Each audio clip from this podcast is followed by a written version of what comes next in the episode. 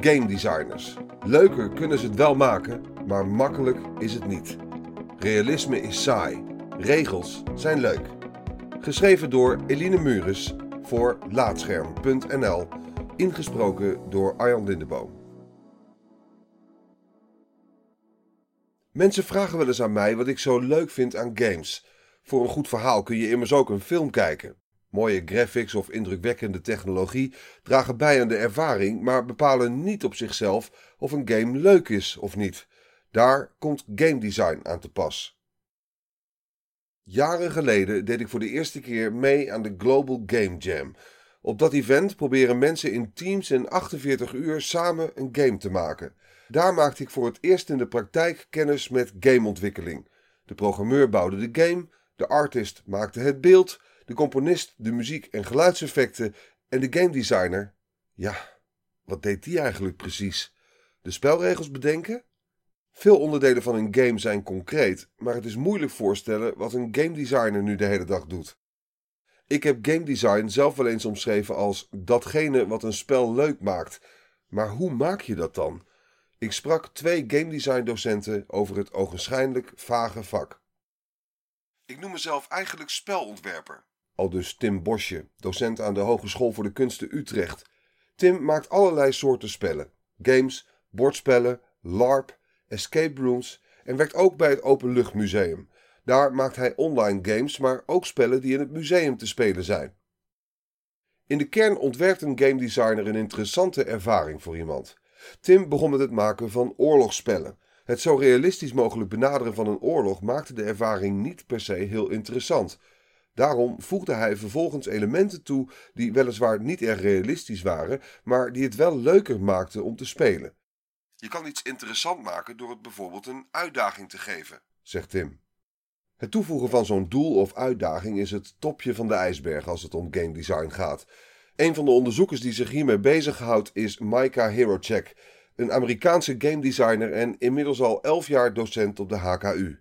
Hij is daarnaast PhD-kandidaat op de University of Bournemouth, waar hij onder meer onderzoekt wat game design nou precies is. Dat onderzoek is belangrijk, want veel mensen maken het onderscheid niet tussen ontwikkeling, het bouwen van een game, en ontwerp, vertelt Maika. Een game designer zoekt constant naar interessante dingen om in een game te verwerken. Tim beschrijft het als een soort mindset. In de wereld zitten een hoop leuke spelletjes verborgen en het herkennen en omzetten daarvan naar een game maakt je een goede game designer.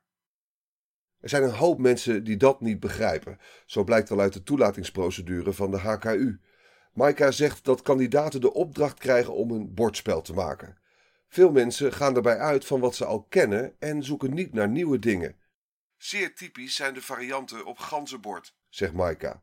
Alles dat werkt met een dobbelsteen en een vakje vooruitgaan komt gegarandeerd niet door de toelating. Het laat zien dat iemand nooit echt over het ontwerpen van games heeft nagedacht. Volgens Maika kun je games zien als systemen. Hij illustreert dat aan de hand van Super Mario Bros. De kernactiviteit is eigenlijk alleen springen, maar door levelontwerp, vijanden en het verzamelen van muntjes geeft de game je redenen om verder te gaan. Op deze manier wordt er een heel systeem gebouwd van activiteiten die gerelateerd zijn aan elkaar en die veel invloed hebben op de speelervaring. Als designer bedenk je welke informatie er uit het systeem moet komen, zodat spelers begrijpen wat ze moeten doen. Hoe complex maak je de besturing en wat communiceer je precies? In een game als World of Warcraft heb je bijvoorbeeld een level, XP en vaardigheden, maar je zou het ook kunnen verbergen. Dat heeft effect op hoe een speler de game waarneemt en begrijpt legt Maika uit.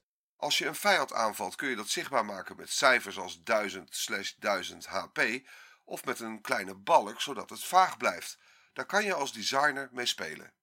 Hetzelfde geldt voor de besturing. Denk aan racegames waar je heel precies een auto bestuurt.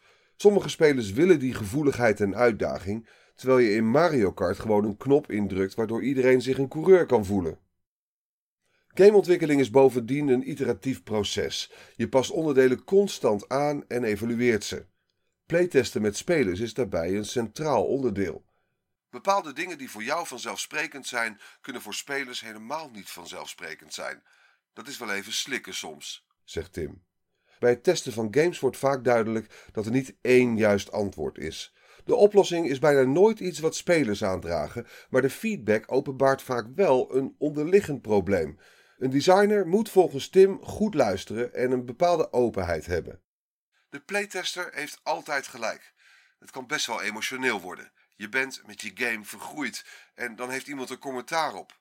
Het verwerken van feedback is iets dat je moet kunnen. Maar met alleen feedback verwerken ben je er niet.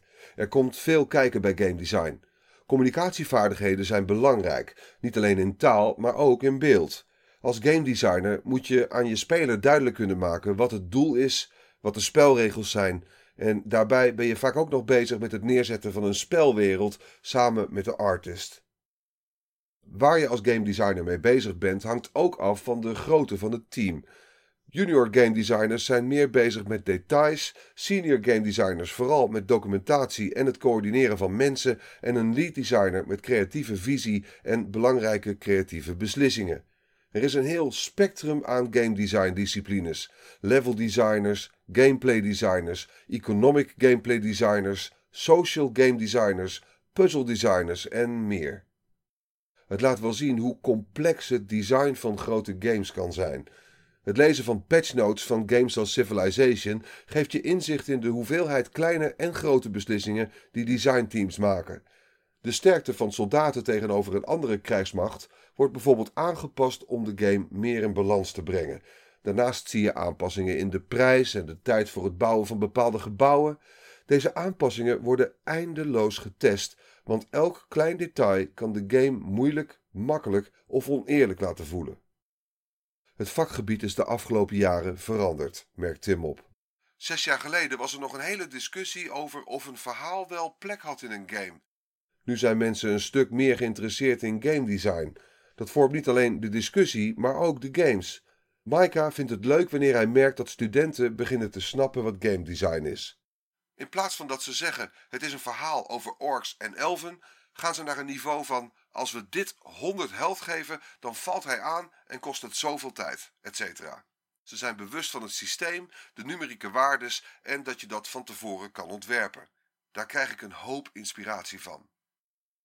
Het klinkt allemaal vrij abstract, maar juist dat onderliggende systeem maakt games echt games en maakt games echt leuk.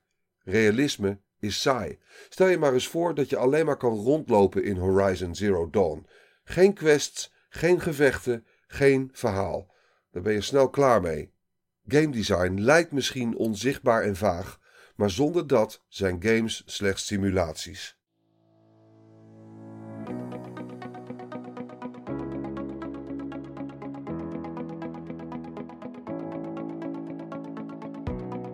Dankjewel voor het luisteren naar Laatscherm voorgelezen. Als je waardeert wat we hier doen, dan zouden we het leuk vinden als je even een sterrenrating en een recensie achterlaat op Apple Podcasts of de podcastservice van jouw keuze. Abonneer je ook op onze andere podcast, Praatscherm. En ga voor deze en meer verhalen, geschreven of gesproken, naar laatscherm.nl.